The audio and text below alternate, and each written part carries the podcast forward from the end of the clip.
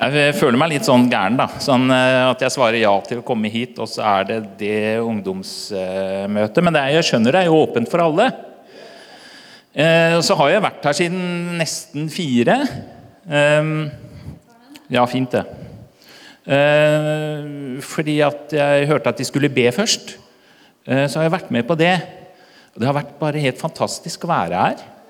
Og jeg blir så slått av hva dere får til, og hva dere har fått til her av både stemning, mennesker, egenskaper, eh, hva dere besitter. Også som, nei, som eh, Amalie sa det at uh, vi er en stor familie, vet du. Driver en gård. Og hvis ikke noen kan gjøre det, så må noen bare gjøre det. og det er meg. Noen drar fram basketaren, og en annen setter seg der. Jeg har en følelse av at de kan uh, kunne noe fra før, altså. Men det er en veldig fin gjeng. Og jeg er også veldig stolt og beæra over uh, den tilliten å dra meg inn hit, og at jeg skal si noe. Ja, jeg tror jeg skal starte. Vi starter med en bønn. Jeg har også sett at veldig mye ut av det dere har synget om og bedt om og snakka om hittil uh, i dag, er Da skjønner jeg at talen min er rett inn. For, for, det visste jeg ikke. Så det blir jeg veldig rørt over. Ehm, så får det, så får det være opp til dere å ta det, ta det dere hører. Kjære far, la oss falle til ro. Kom du til våre urolige hjerter, du som kjenner oss, du som vet hva vi bærer på, hva vi sliter med, hva vi har i bagasjen vår. Du som kjenner våre tanker og drømmer og ser hva vi lengter etter. Du som kan stilne stormen. La det stilne i oss. La det bli stille. Fall til ro. Vi kommer til deg, Herre, akkurat slik som vi er. Her vi sitter på kirkebenken foran ditt ansikt. Foran ditt bankende farshjerte.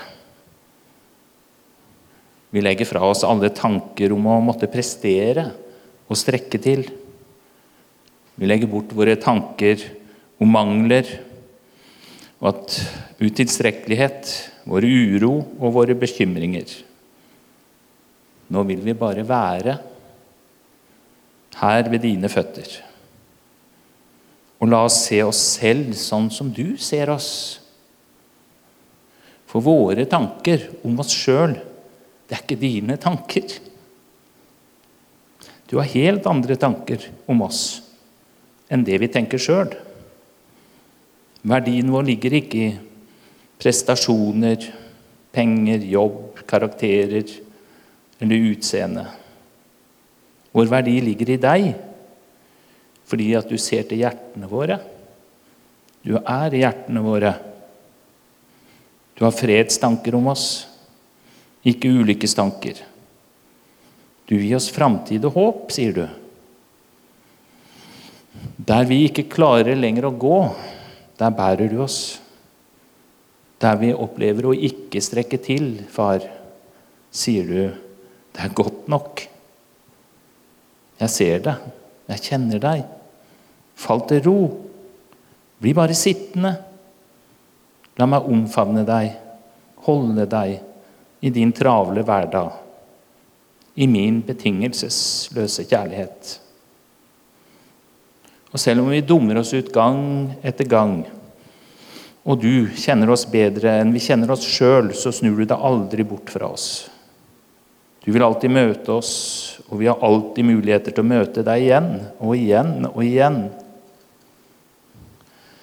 Så la oss falle til ro i dine tanker. La oss tro på dem. For du sier, 'Jeg ransaker deg, og jeg vet'. Ja, jeg vet. Om du sitter eller står. På lang avstand kjenner jeg dine tanker. Om du går eller ligger, vet jeg det. Jeg kjenner alle dine veier. Og før du har et ord på tunga, kjenner jeg det fullt ut. Bakfra og forfra omgir du meg. Og jeg har lagt min hånd på deg sier du, far. Takk, far, for din betingelsesløse kjærlighet og omsorg for oss. Ingenting kan skille oss fra din kjærlighet hvis vi fester blikket på deg. Og hjelp oss å vende ryggen til eh, livets løgner og våre egne løgner om vår verdi. Vi vil bare se hva du, far, sier når du ser oss. Vi er verdifulle. Vi er dine elskede barn. Amen. Det ble en lang bønn. Det skjer noe i bønn. Jeg skal holde en tale, men egentlig har jeg bare lyst til å be. Det er veldig rart. Det er så mye lettere å skrive en bønn enn en, en tale. Sånn er det blitt for meg.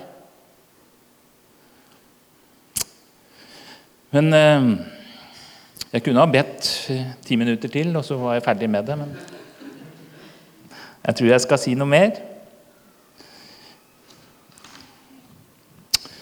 Eh, I den siste boka av Thomas Sjødin Jeg sier Thomas for han er svensk, jeg tror han sier Thomas òg.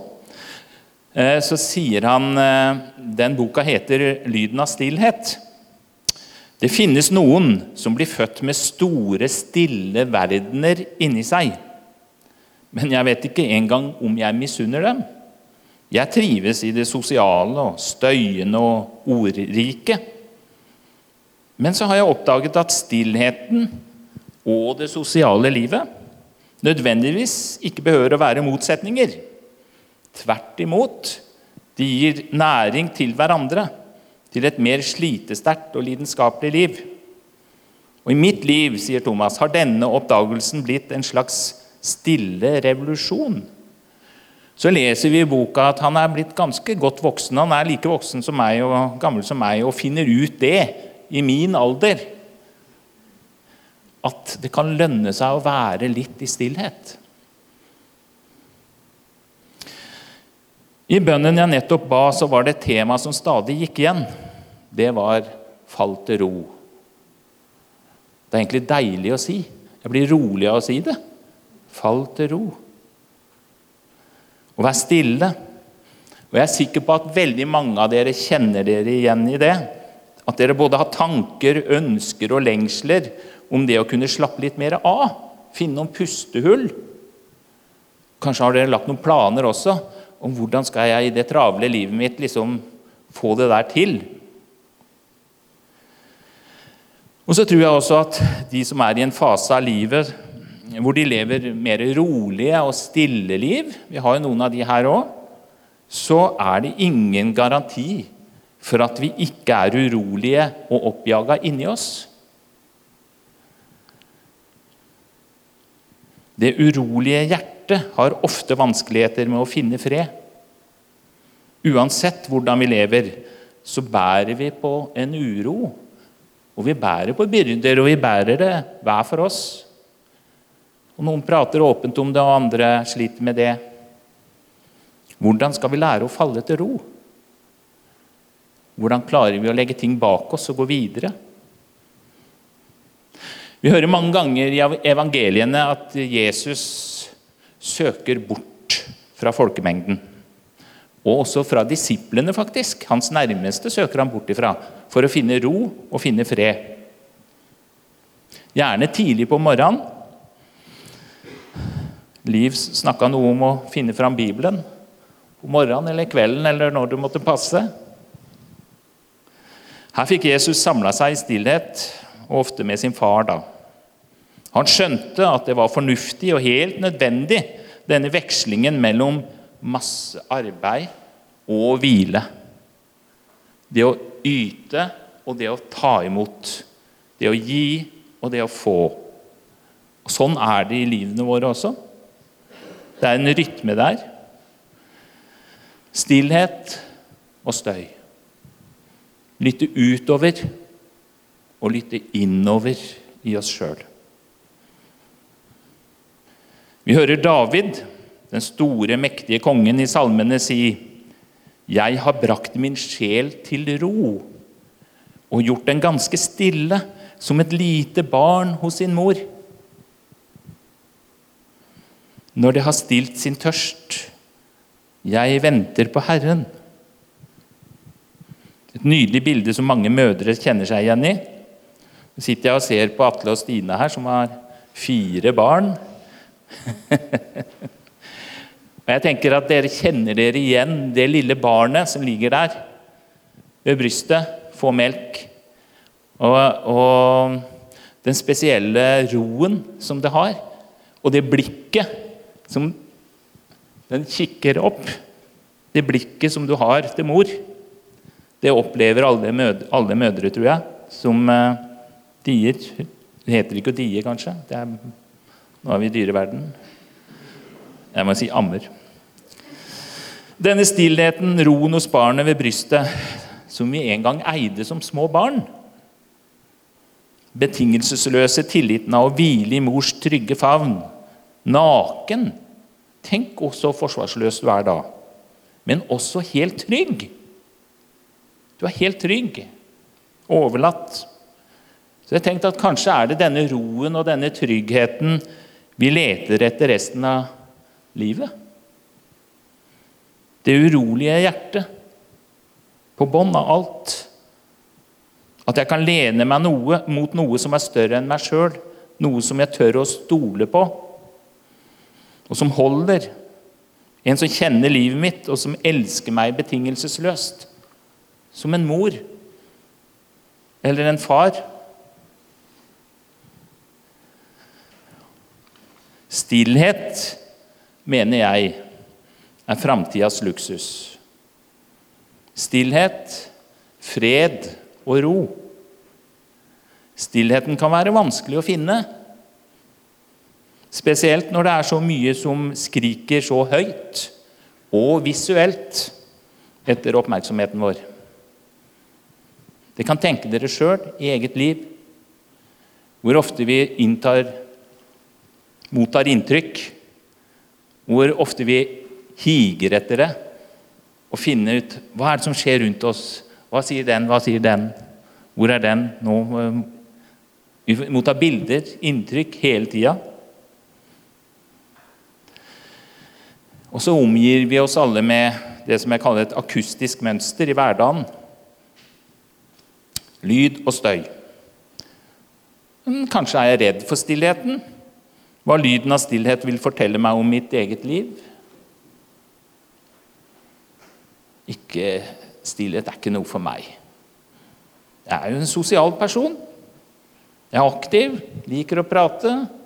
Er du ikke det, da, Kristian? Jeg får det jeg trenger, og råd og veiledning i samtalene. Stillhet og taushet er egentlig oppskrytt. Det er for andre enn meg. Men så hørte vi i innledningen han eh, Thomas Sjødin. Han er svensk prest og har skrevet fantastisk mange bøker.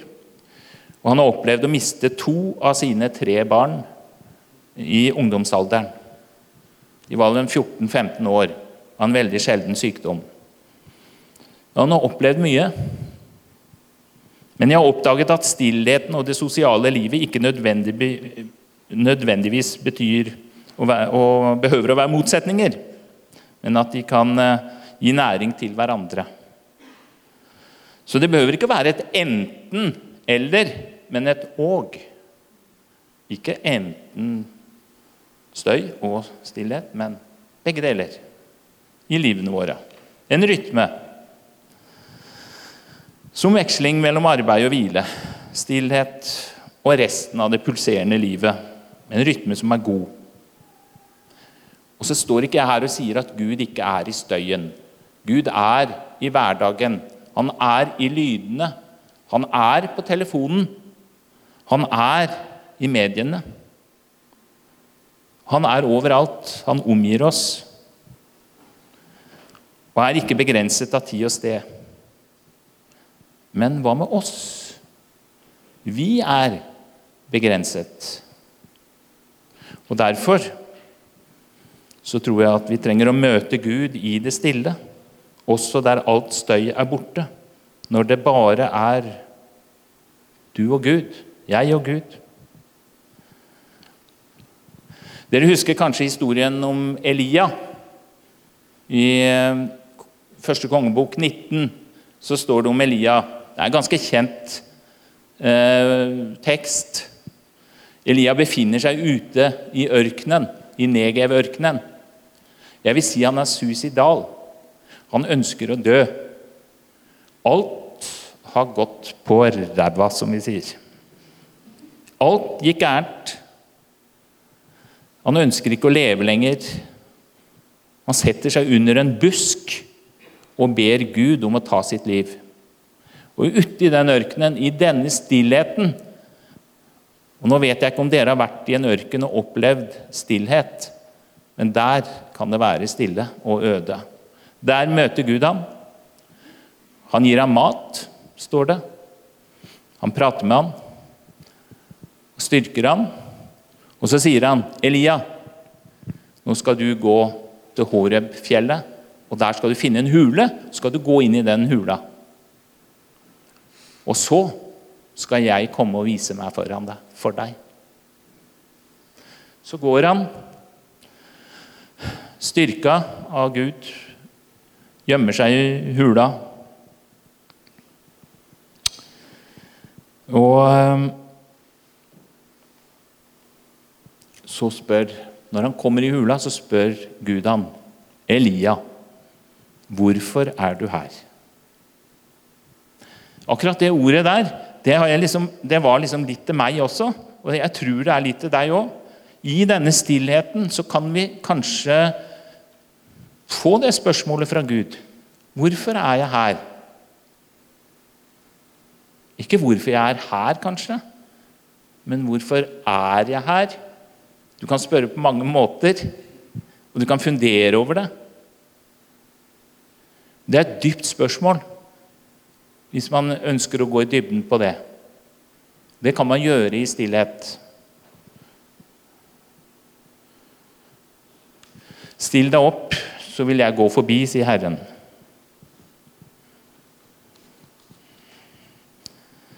Så står det Foran Herren kom en stor og sterk storm som kløvde fjell og knuste klipper. Men Herren var ikke i stormen. Etter stormen kom et jordskjelv, men Herren var ikke i jordskjelvet. Og etterpå det så kom det en ild. Hvor den kom fra, vet jeg ikke, men Herren var ikke i ilden.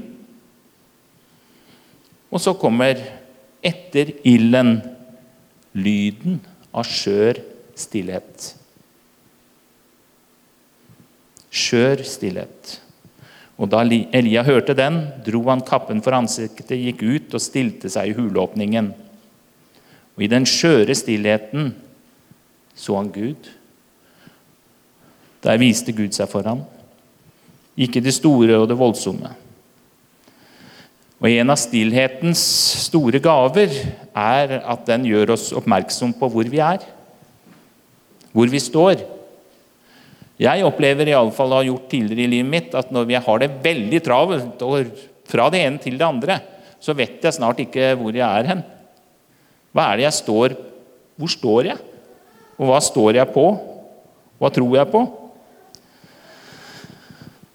Hvorfor er du her? Stillhet er å bli kvitt overvekt og gjøre rom på innsida. Make room, sang vi. Make room for you. Gjøre rom for deg på innsida. Få et klarere blikk på eget liv. Kanskje det. Kanskje vi bør det av og til. Jeg liker å bruke et sånt stort Jeg har ikke det her nå. Noen ganger så er jeg så heldig å få et vannglass. Jeg, jeg trenger det ikke. Men eh, da, da ville jeg holdt det opp sånn. Og så ville jeg hatt noe grums i det vannglasset. Dere kjenner kanskje bildet. Eh, og så ville jeg rista på det. Og så vil dere se at vannet det bare grumser seg til. Så blir det helt ugjennomsiktig. Man kan ikke se noen ting, og ikke kan man drikke det. Så ville jeg satt det her Latt det stå stille. Etter noen minutter så synker grumset ned. Når det får lov til å stå stille, så kan du se tvers igjennom. Elsker det bildet. i forhold til det med stillhet i mitt eget liv. Søke mot stillhet. Mot gjennomsiktighet. Transparent. At man kan se det som vi ikke ser. Jesus sier så ofte dere hører, men hører ikke. Dere ser, og dere ser ikke. Jeg tror noe av clouet ligger her. Å oppsøke Gud i stillhet. Og la Han få lov til å tale. La, han få, la grumset i livet ditt få lov til å legge seg. Hva kan skje i livet mitt da, hvis jeg velger å tilbringe en liten stund i lydløshet litt hver dag, selv om det ikke er noe for meg? Rydde plass til stillhet. Frivillig oppsøke. Skru ned egne stemmer og skru opp lyden fra Gud. Har Gud noe lyd? Snakker Gud til oss? Han er overalt, men da er du i modus til å kunne ta imot. Skaffe oss lytteavstand til Guds stillhet. Og det å bli stille, det er ikke noe vi egentlig skal gjøre, for vi legger jo ikke til noe. Det er heller motsatt. Vi bare avstår fra å fylle det med noe. Vi får et tidsrom, vi lar et tidsrom stå tomt, slik at det kan fylles av noe annet. Ikke noe som vi bidrar med, eller det andre mennesket bidrar med, men noe som kommer til oss i stillheten. En anelse. Jeg har gjort dette en stund. Det er vanskelig å snakke om det, men noen ganger Man oppøver seg. Man får en feeling som er litt finere, og som man kan kjenne igjen. Og det kan være små ord. Det kan være ord som jeg har hørt tidligere i livet mitt, men som bare har gått meg hus forbi. Det kan være en hvisken, det kan være ett ord som kommer igjen så hører jeg det neste dag. Plutselig så leste jeg det i Bibelen. Oi, det var et eller annet her for meg. Sånn opplever jeg det. Det har gitt meg veldig mye. Fornemme vår egen lengsel, kanskje. Oppfatte nyanser. Stille inn frekvensen. Ja, kanskje skille gull fra gråstein. Det er litt vel å ta i, kanskje. Men vi kan øve oss litt på det. Vi kan øve oss litt og litt. Og mange gjør det, selvfølgelig. Og i denne stillheten så prøver jeg Da går jeg også tom for ord. Da har jeg ingen bønn. Jeg lytter til stillheten. Det var som mor Teresa sa men hva gjør du da klokka halv tre, sa journalisten. Nei, jeg står opp, og så ber jeg. Jeg ber. Ja, hva gjør du når du ber, da? Nei, jeg lytter til Gud, sa mor Teresa. Hva sier Gud, da? Han lytter, han òg.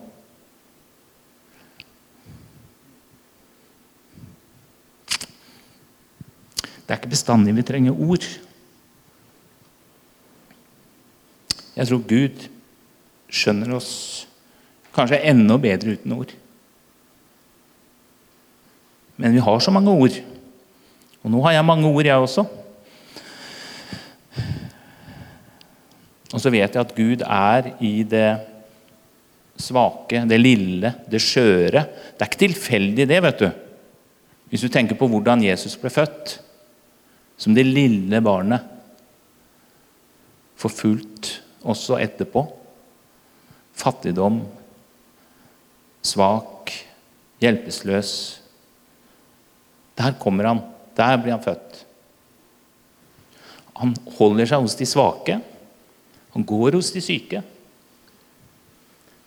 Hele livet. Og ender på korset. Som en forbryter. Og dør som en forbryter. Fornedra i det svake.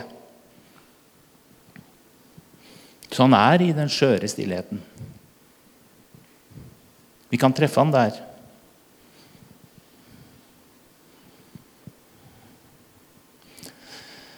Og så som du sa, kom til meg, alle dere som strever. Det var Liv som sa. Roar har sikkert lest den. Og det er min favoritt og har vært det de to siste åra. Jeg har stått her og pratet om det før. At Jesus innbyr, den innbydelsen gjelder alle og enhver. Og jeg tror vi kan kjenne oss igjen, for vi bærer på ting. Alle på, på vårt, hvert vårt vis. Mange ting som er usynlige. Kom til meg alle dere som strever, strever og bærer tunge byrder, så vil jeg gi dere hvile. Så er denne herre å falle til ro. Jeg tenkte når jeg skal stå her og si noe nå, så må jeg bare tenke Det er ingen prestasjon. Jeg skal ikke prestere noe som helst. Uansett hva jeg sier, og den er ganske drøy, så stoler jeg på at det er ikke så farlig hva jeg sier, men hva dere hører. Så kan ikke jeg stå her og bable, da. Som Einar Amundsen sa, du må ikke begynne å snakke tall i tunger. For da er det ingen som skjønner noe. Men eh, å møte Gud i stillhet, sette av litt tid, bruke tid på det. Skru ned noen stemmer i livet ditt, skru opp Guds stemme. Og så er det det der fantastiske Jeremia. Det er så lett å huske. Jeremia 33,3. 333.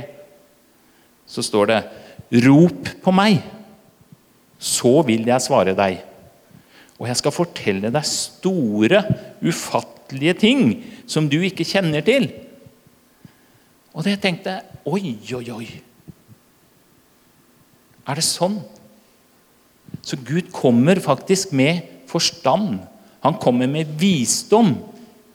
Han kommer ikke med teoretisk lærdom. Han kommer ikke med kompetanse, kunnskap. Vi ser i Bibelen Se kong Salomo. Visdom. Visdom er noe helt annet. Forstand er noe helt annet. Det er mye mer anvendelig i livet den visdommen og den forstanden Gud kan gi oss.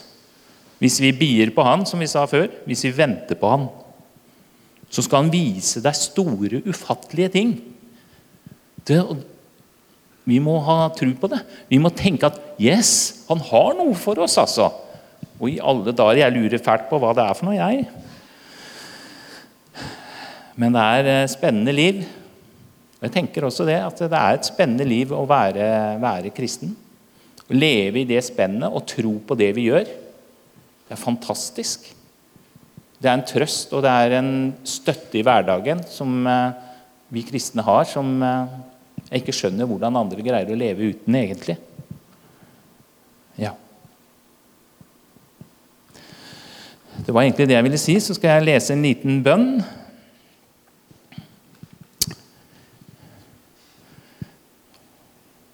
Da kikker jeg på han lydmannen der nede. Herren være foran deg for å vise deg den rette veien. Herren være ved siden av deg for å lukke deg inn i sine armer og beskytte deg. Herren være bak deg for å bevare deg fra menneskers ondskap. Herren være under deg for å fange deg opp når du faller, og redde deg ut av snarene. Herren være i deg for å trøste deg når du har det vondt. Herren være med deg og velsigne deg. Amen.